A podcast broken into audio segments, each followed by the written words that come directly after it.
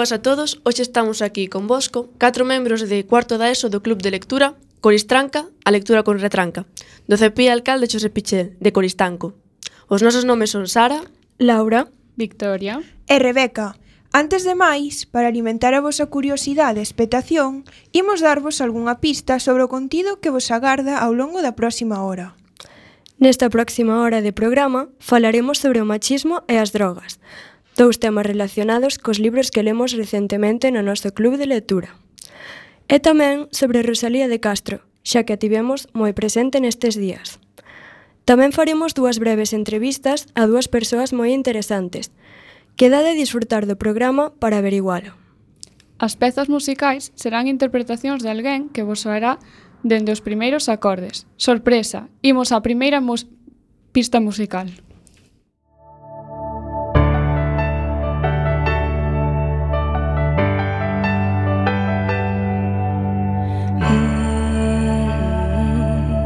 Pouco a pouco vou deixando de esperar.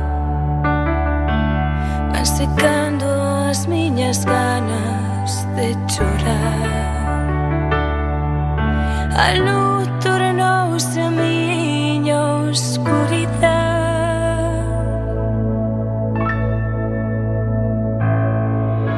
oh, Mar de dúvidas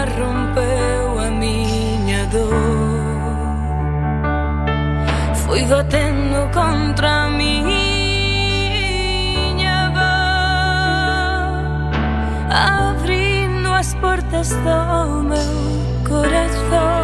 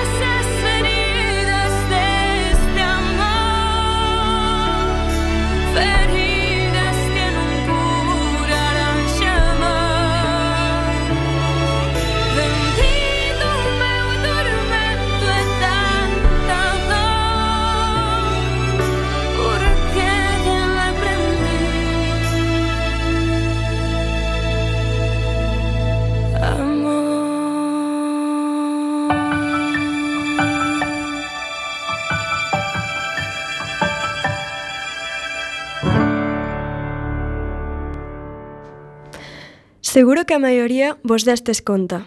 Era Sabela Ramil, participante no concurso Operación Triunfo, interpretando un tema originario da música e cantora galega, Rosalía Rosa Cedrón. Imos vos contar un pouco sobre a vida de Sabela e a súa trayectoria no programa. Sab Sabela naceu nas Pontes, estudou o grau de terapia ocupacional, o grau medio de clarinete e un máster en musicoterapia. Antes de incorporarse ao programa, Traballaba nunha asociación de saúde mental.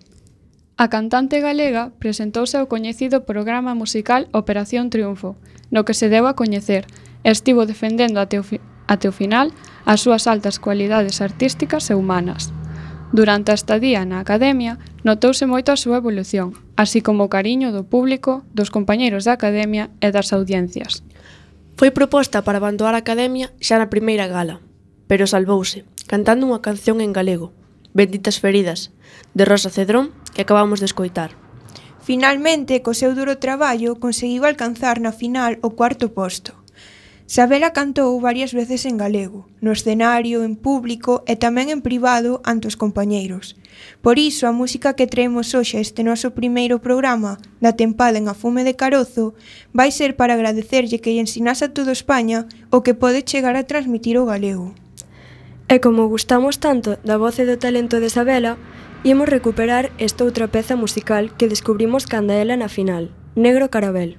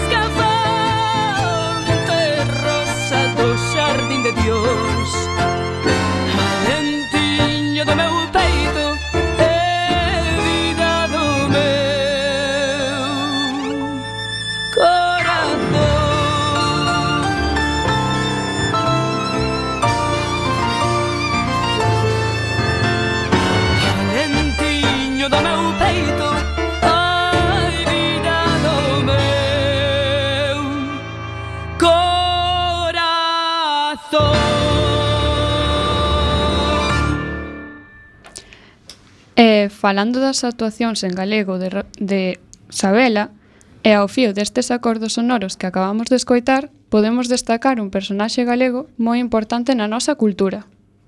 É unha escritora da cal se fixeron moitas versións musicais dos seus poemas. Adivinades quen pode ser? Unha pista. Acaba de celebrar o seu, o seu aniversario este pasado 24 de febreiro. Rosalía de Castro. Pois sí, Sara. Esta foi unha autora moi relevante na nosa cultura e literatura, xa que foi unha das pioneiras e unha das principais representantes do rexurdimento galego. É que, ademais de escribir, foi unha muller loitadora que, a pesar das dificultades que tivo na súa vida, sempre saiu adiante. Iso é boa verdade. Foi unha muller moi avanzada para o seu tempo xa que nesa época non resultaba nada sinxelo escribir en galego, debido a que a situación da nosa lingua no, nesta etapa estaba moi desprestixiada. E a pesar desta situación, Rosalía continuou a escribir en galego e a otorgarlle prestixio en obras como Cantares Gallegos e Follas Novas. E que dicir do seu marido, Manuel Murguía, que foi un excelente cónxuxe, xa que, a pesar das desigualdades entre homes e mulleres da época, Animou a súa muller a continuar o seu labor literario. Ademais, axudoulle a hora de publicar a súa obra Cantares Gallegos, e como ben dis Laura, non lle escatimou nin o apoio social nin intele intelectual nunha época na que a condición feminina estaba menosprezada para calquer labor que non fose cuidar da casa e da familia. Como xa dixemos antes, Rosalía enfrontouse a moitas dificultades na súa vida, como a morte de varios dos seus fillos ou a súa enfermidade que a destinou a unha morte nunha idade temperá. Hai un dito que conta que cando estaba a piques de morrer, Rosalía dixolle a súa filla Alejandra que queimase todas as súas obras que non foran publicadas. E cando morreu, a súa última frase foi «Abre esa fiestra que quero ver o mar». Dende logo foi unha frase fermosa e non esperaba menos dunha persoa como ela. Ademais, Este ano unha investigadora galega gañou o Premio Nacional de Ensaio do Ministerio de Cultura Español por realizar unha investigación sobre Rosalía. Sí, esta muller foi María Xesús Lama, filóloga e profesora de literatura. Polo que nos informamos, estudiou Filoloxía Hispánica e Filoloxía Galego-Portuguesa na Universidade de Santiago de Compostela. Pero iso non é todo. Realizou tamén traducións do alemán e inglés ao galego, co cal podemos afirmar que domina tamén esas dúas linguas. É dicir, que estamos ante unha muller tanto políglota como polifacética. Pois sí, e non nos desviemos máis e continuemos con Rosalía. Que tal se nos ofreces unhas das, unha das túas inxeniosas conclusións para dar este tema por rematado, Laura? Ben, inxeniosas, inxeniosas, Conclúo que, dende logo, a vida de Rosalía foi sorprendentemente dura e que debemos dar grazas por ter unha escritora referente nos, do seu nivel na nosa literatura. Sabedes de algunha outra cultura literaria que teña unha muller como referente? De principios non se me ocorre ningunha, mas seguiremos pensando. E vos pensade tamén, Radio Intes, mentres nós facemos unha nova pausa musical.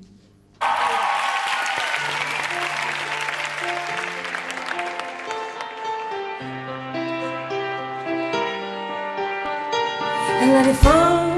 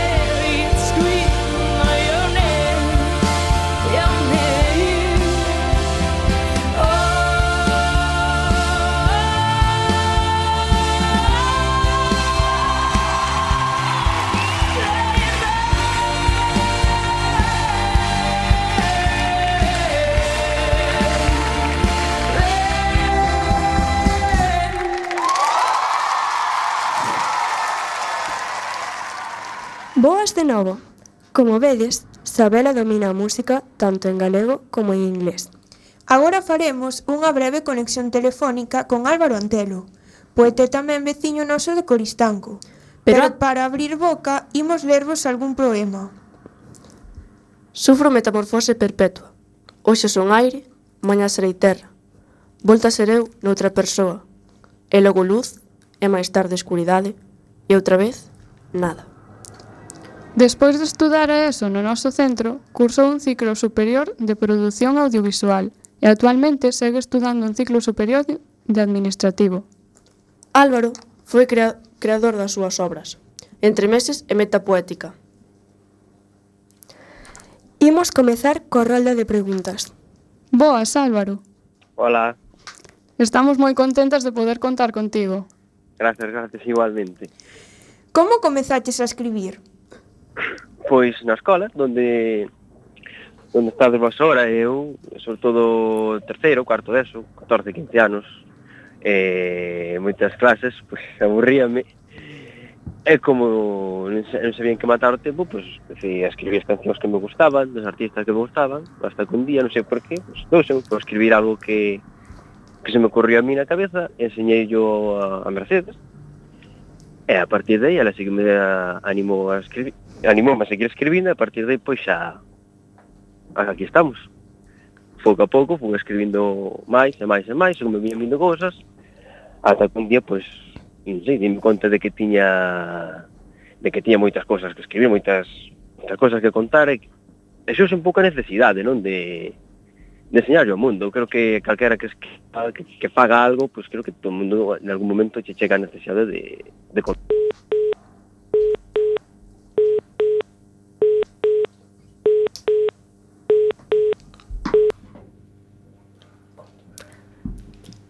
Perdoa, cortouse a chamada de Álvaro Antelo. Eh, vamos a intentar arreglar agora este problema. Vamos a seguir lendo algún poema máis de Álvaro eh, a ver se se arranxa este problema. Este poema titúlase Soño, Soño Perfecto. A imaxe dun soño perfecto reflexouse inocua en min. Nesta mañá de inverno. Pingaron os cristais ilusións traslúcidas, nas cales me vexo alleo, descoñecido de min mesmo. Nocturno. De noite durmo nun insomnio constante. De día vivo nun pesadelo discolio. Pinga con intensidade o eco desta desgraza. E nas sombras da noite relocen as min as mil agullas dos erros, que inxectan un amor tóxico nas veas. Consérvome na nostalxia sen máis propósito que o que me depara un amencer repetido.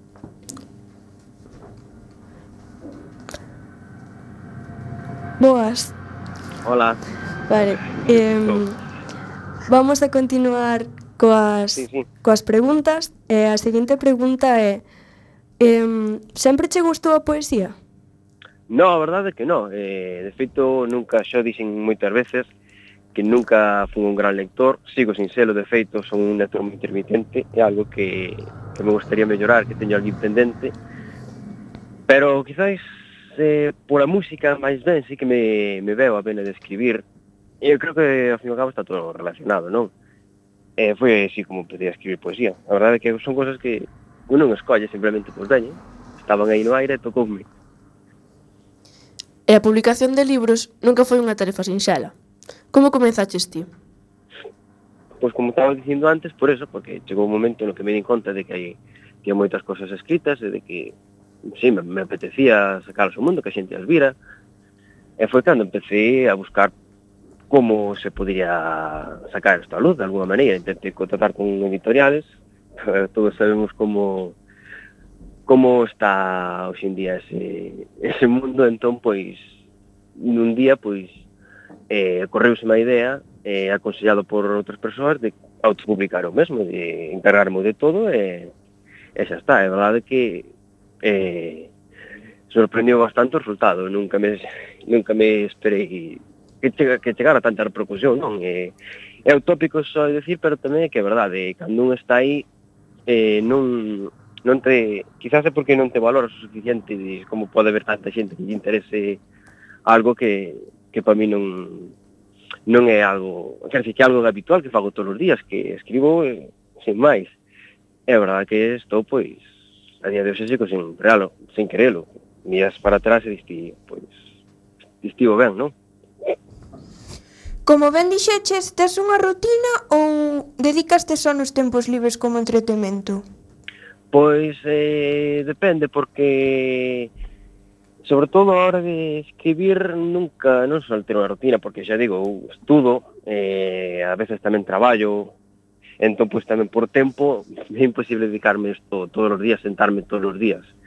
Sí que é certo que isto é, é como todo o que faz, non? E ti se practicas un deporte, se non o practicas habitualmente, acabas eh, acabas un pouco oxidado, eh, eh, escribindo igual. Se non escribes un pouquiño de vez en cando, non lle das un pouco a cabeza, a, a inspiración tampouco ben, non? Hai que a veces hai que sair a buscar cando non ven. Entón, pois, é un pouco o que fago. Non teño unha rutina, pero tampouco o deixo a libre albedrío. Simplemente, pois, intento traballalo un pouquiño así de vez en cando. Non, tampouco todos os días, xa digo. Estou bastante ocupado, sobre todo agora, e por tempo, a veces, por tempo material, imposible ainda que queiras. Agora estou desexando que, que acaben os exámenes, sobre todo, e, e volver a sentarme e volver a, a darle a cabeza. Eh, cando tes algún tempo libre, onde soles escribir? Sales afora ou quedas na casa? No, no, sempre sempre na habitación. E eu sou unha persoa que me gusta moito cando estou creando, gusta estar soa, estar en silencio e estar con minhas ideas, sen nada que me distraia. Non, nunca me gustou iso de... Intentei no varias veces porque me parece que podía estar ben, pero nunca fui capaz de escribir de un sitio que non fora na casa. Porque aí estou con minhas ideas, estou no meu mundo, estás concentrado, estás metido para dentro. Eh, tes algunha inspiración que te levas a escribir ou na que te inspira hoxe en día? Eh, un pouco, pois, sobre todo ler, é do que máis me suele inspirar, non? É como a case todo o mundo. É, empezas eh, vendote reflexado noutros artistas, noutras persoas que escriben, e, Eh, tamén me solo, sou unha persoa que me gusta moito escutar música, eh, estudo música dende fai anos, entonces a música, o cine tamén, o estudiar produción, entón intento tirar un pouco desas ideas, de, do cine, do que vexo no cine, no que vexo, no que escoito na música, tamén un pouco observar tamén o mundo que te rodea, non? Eu creo que iso tamén axuda moito, estar en contacto co, co teu mundo, co ambiente e, e observar non? as cousas que pasan ao teu redor, eso tamén sempre se tira de todo. E logo tamén a imaginación, sobre todo. Eu creo que donde máis ideas hai é na imaginación. Eu sempre sempre intento, sobre todo, se non me pasan cosas das que escribir, pois intento imaginar as eu. E un pouco, pois, aí estamos. E tes algún autor preferido? Cales son os que máis che gustan? Sí, hai autores, eu sempre dixen que teño Lois Pereiro por bandeira. Eu creo que é o autor que máis do que máis aprendín e sobre todo que máis me influenciou, creo que calquera que lea algún dos meus traballos, dos meus poemas, e inmediatamente o relaciono con o Pereiro. Eh, e sobre todo el, e logo, pois, non sei, tamén da música, sobre todo, se digo, os artistas que escoito, son unha persoa que me gusta moito a música de antes, dos 60, de aí sempre tiro moito de menos. E como definirías a túa poesía? Non me, pois nunca me plantei, pero supoño que quizás escura, eu mm, gustame moitos colores, gustame os colores oscuros, as sombras, eh, entón creo que se tuver que definila, definiría que a miña poesía é, é sombra e luz. Eh, de, que consellos lle darías a un xove que se quere iniciar no mundo da poesía? Que consellos? Pois, sobre todo que, que escriba que escriba, que escriba moito, que escriba todo o que poida, todo o que se viña na cabeza, que o escriba, que o garde, porque cando escribes algo que a mellor che parece que non é nada, igual dentro duns anos, pois pode valer, pode valer, nunca sabe. Entón, eso, escribir, ler moito sobre todo, eh, ler moito, eh, paparse moitísimo de literatura, de moito, de moitos autores diferentes, e sobre todo tamén un consello que, que eu aprendi por mí mesmo é ter paciencia, ter paciencia porque se un se un lle gusta escribir, se un quere escribir e quere chegar a xente, sobre todo que necesitas paciencia e dedicación, como creo que como calquer outra outra cousa nesta vida. Chamounos moita atención a portada do teu libro Metapoética. Pensache da ti ou contactaches con algunha ilustradora? No, eh, eu sobre todo estou traballo con páxinas de con páxinas que teñen imaxes en dereitos de autor, e a través de aí sempre intento partir de ideas e buscar por aí, nunca nunca pensei, no, sí que pensei en contactar con quizás xente que diseño, que, que, que pero xa digo, traballar eu solo, ser todo o proceso meu é moi difícil, eh, tanto a nivel económico como de tempo material, ser capaz de, de dedicarme a eso, de contratar a alguén. Entón, pois, o que fago é eso, con páxinas de dereitos de autor, intentar dar con algún con algunha imaxe que se axuste ao que, ao que eu quero. Eh, para cando podemos ter un novo libro? Pois, como en relación ao que dixen antes, se digo, cando teña tempo e algún... Teño algún proxecto por aí, sobre todo un...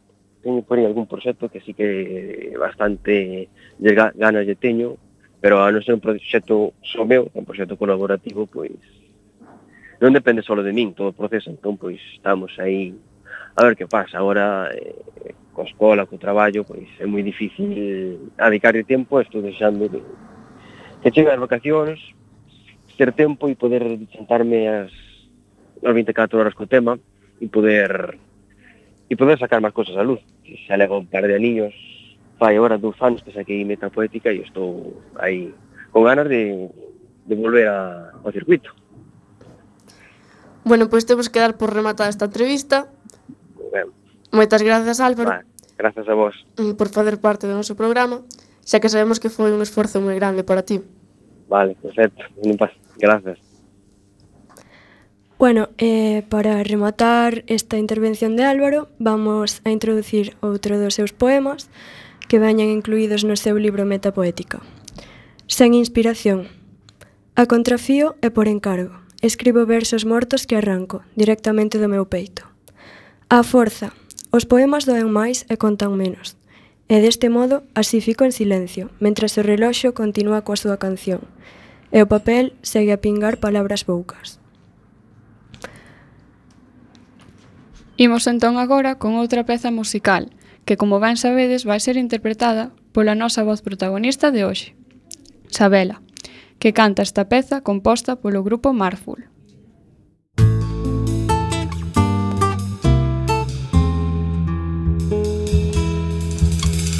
Eu non sei que tes nos ollos Que se me miras ti matas Matasme se pra min ris Matasme cuando me falas Matasme se pra min ris Matasme cuando falas Meus ollos choran por verte. Meu corazón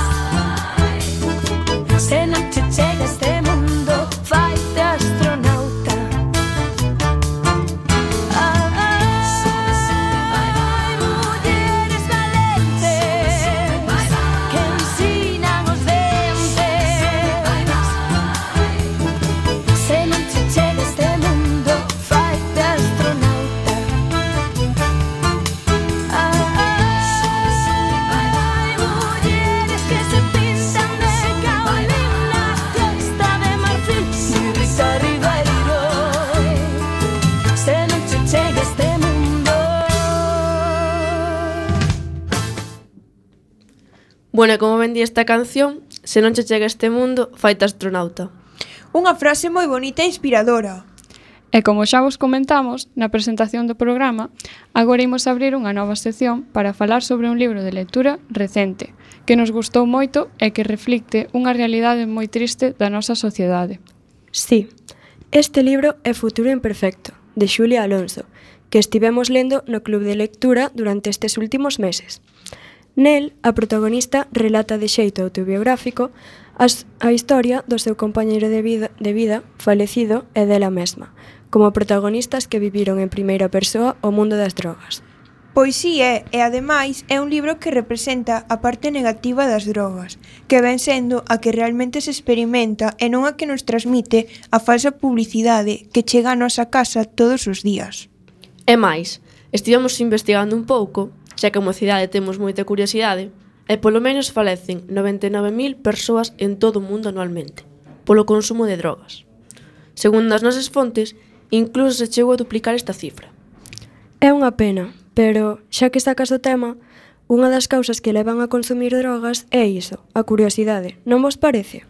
Pois a verdade é que estou de acordo contigo, xa que a publicidade que se mencionou anteriormente e a facilidade que realmente hai para conseguir esas sustancias poden provocar cento, certo interese por probalas, sobre todo nos máis novos.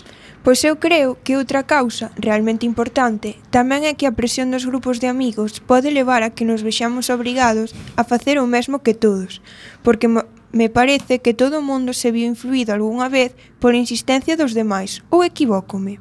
Tes razón. Eu creo que todo isto é o que Xulia Alonso pretende comunicar, achegando tamén información sobre as noxentas e autodestructivas que poden chegar a ser as drogas. Sí, de feito, a autora explica moi ben os efectos desas sustancias e coa información necesaria para non caer nelas. E por que non lle lemos aos nosos radiointes pequenos fragmentos do libro? Claro que sí, comezo eu. Nesta parte concreta, Xulia explícanos o chamado mono, que é o efecto secundario da heroína.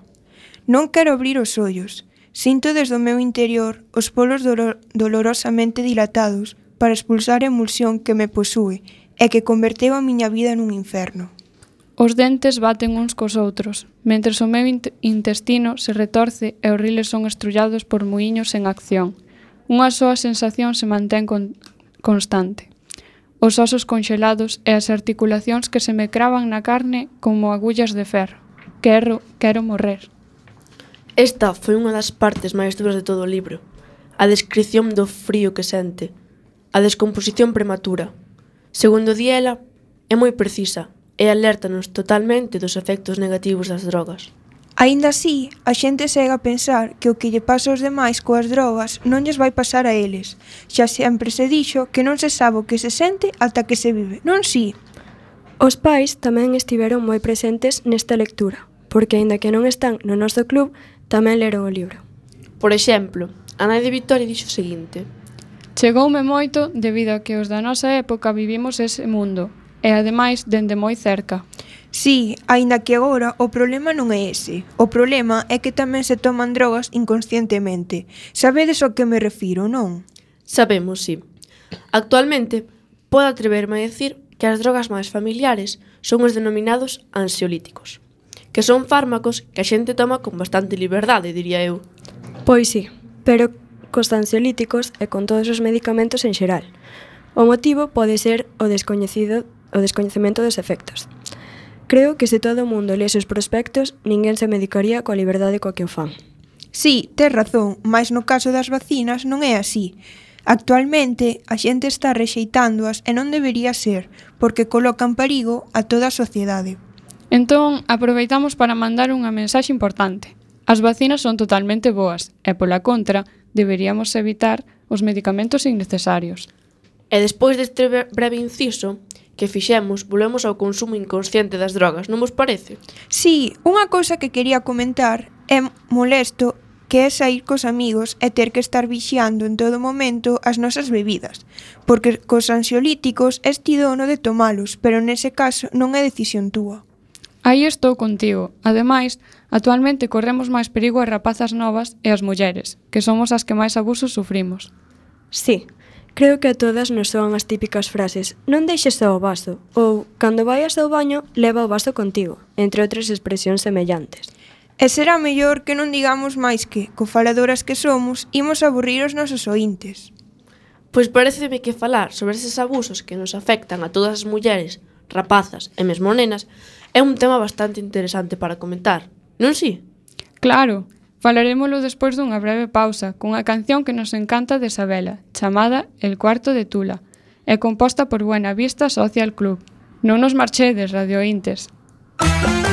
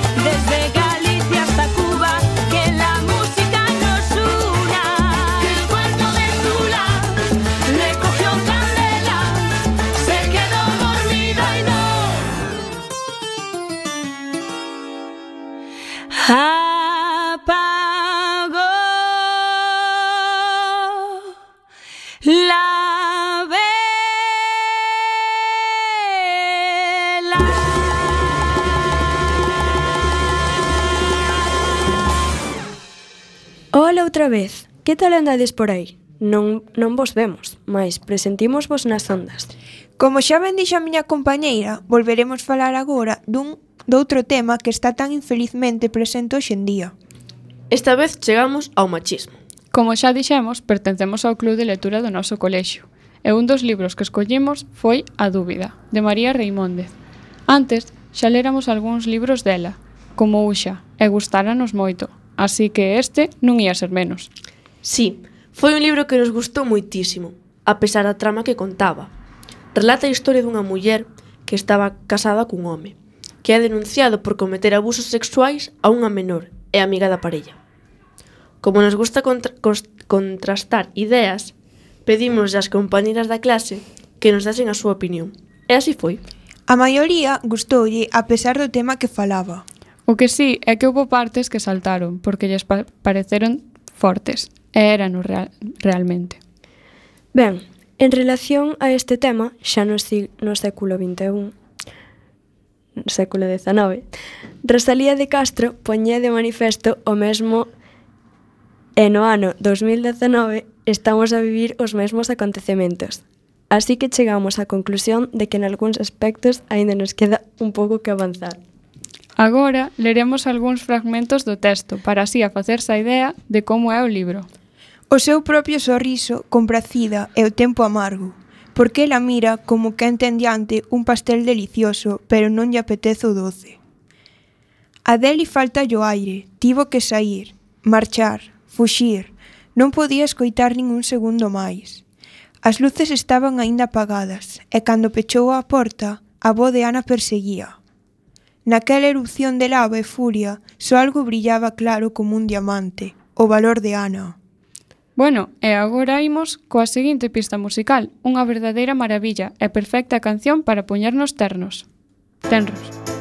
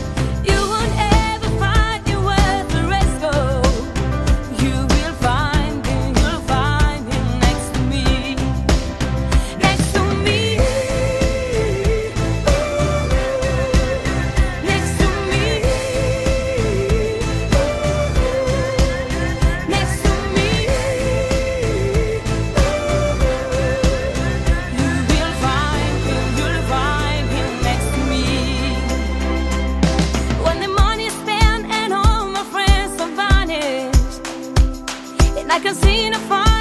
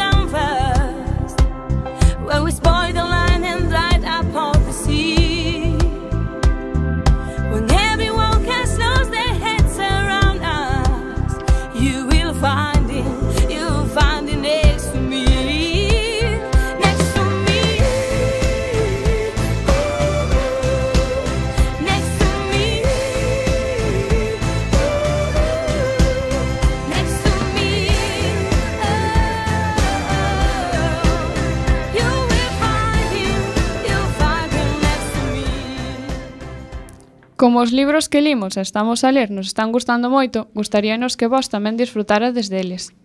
Para iso, imos recomendarvos uns libros que deberíades ler. Que preferides? Narrativa, poesía... Pois imos ter un pouco de todo, Laura. En narrativa hai un montón de libros espectaculares. Temos, por exemplo, Unha estrela no vento, de Ledicia Costas, un libro que mostra que a xente está en contra da diferencia e a diversidade.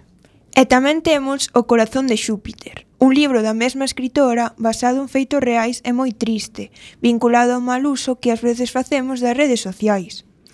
Este ano estivemos probando coa poesía, e a verdade é que nos sorprendeu moitísimo, xa que non nos esperábamos que nos gustara tanto. Xa o dixo a nosa profesora Mercedes.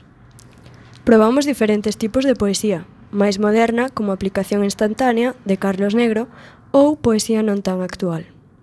De todos os que limos, os que máis nos gustaron foron os de Carlos Negro, aplicación instantánea, maquinaria, penúltimas tendencias, etc., xa que falan de temas que están moi presentes na nosa sociedade como as redes sociais, o machismo...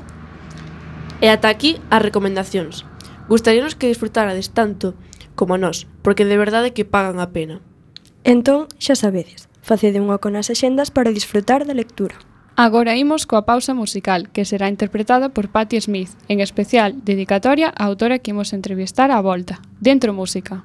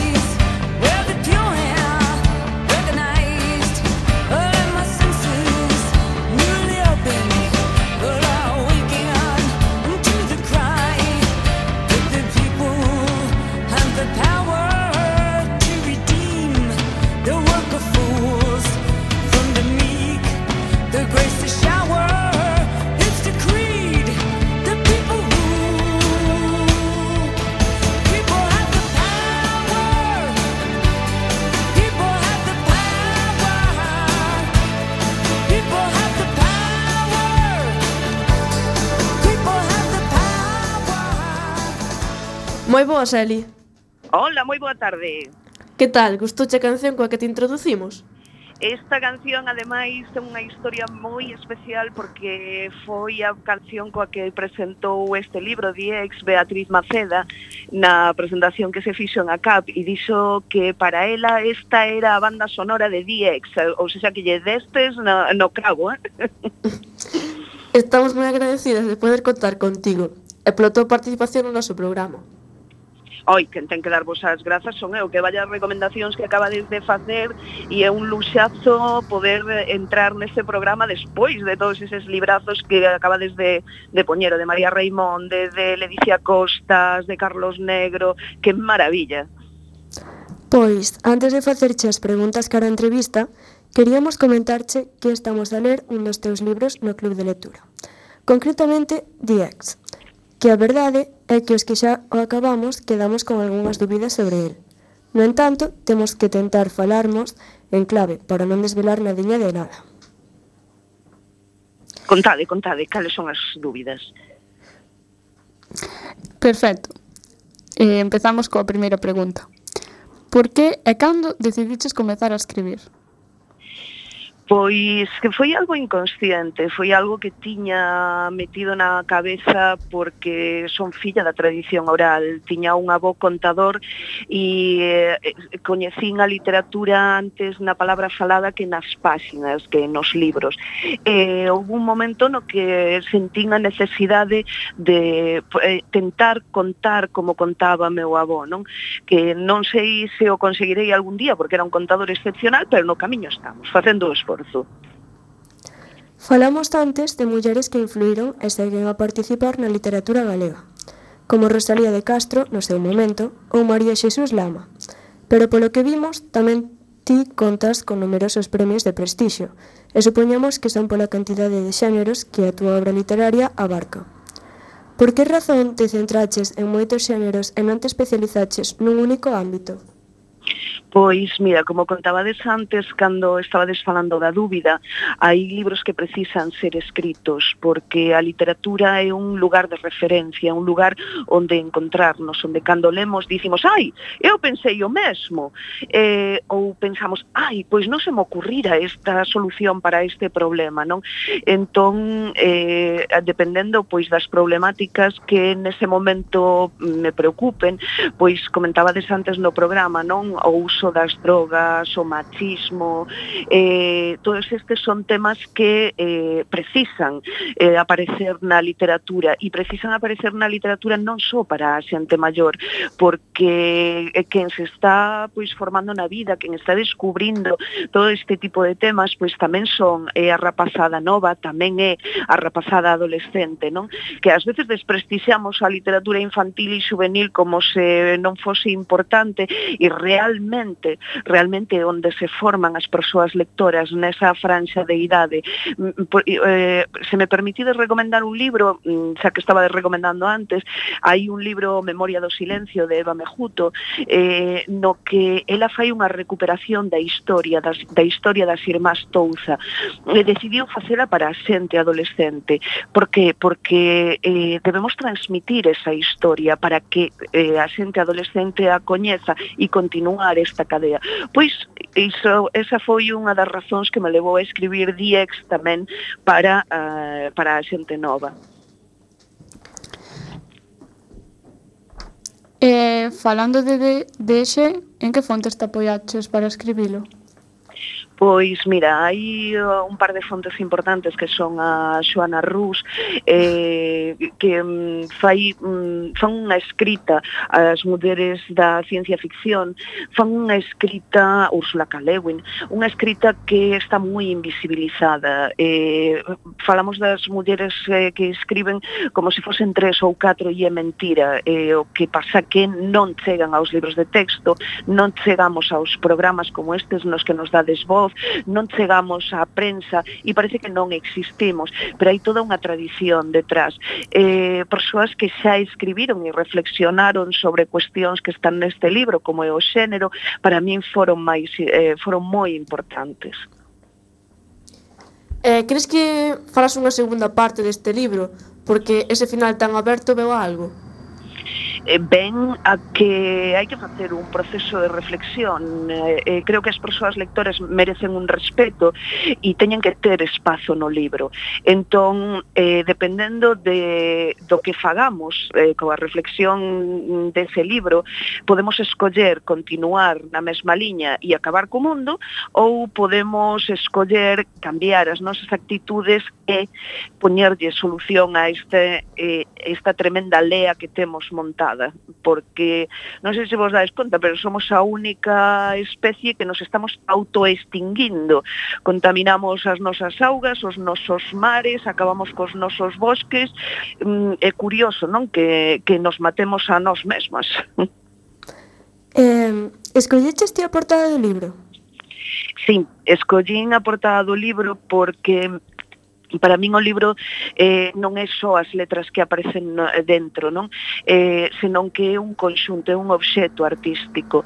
Eh, grazas a Urco, grazas a Andrea Jamardo e a David Cortizo que me permiten eh, ás veces este punto de loucura, non? De, de ir máis aló e propuxen esa idea e dixeronme, veña, adiante e puiden construir a imaxe que non está descrita con palabras e fixemos ao final un obxeto redondo, un obxeto que explica tanto a imaxe, ademais é unha imaxe feita por unha fotógrafa feminista que é Paula Gómez del Valle e eh, eh, con iso construímos o libro, o libro na súa totalidade. Eh, falando dos personaxes, eh, os seus nomes e a súa psicoloxía corresponden a algún coñecido ou coñecido teu? Non, non corresponden porque a literatura é ficción e creo que cada quen ten algo ou ten algunha característica de algunha das personaxes. Mm, creo que nos podemos ver todas e todos reflectidos nalgúna das características desas personaxes. A vos non vos pasou, non vos sentistes aí dentro do libro en algún momento? Sí, sí, a verdade é que sí. Eli, temos que ir. Temos que ir rematando. Moitísimas grazas por pasar este por resolvernos as nosas dúbidas e por pasar uns pouquiño uns pouquiños minutos con nós. Estamos Permitidesme un saudiño só. Sí. sí.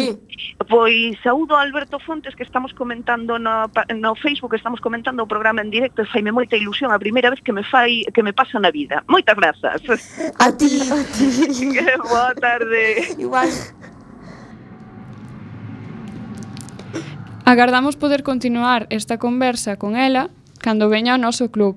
E con iso rematamos a entrevista e o programa. Despedímonos de, dos nosos radiointes e moitas grazas por pasar connosco esta, esta tarde de martes. E Ata tamén, outra. E tamén grazas especial a Roberto.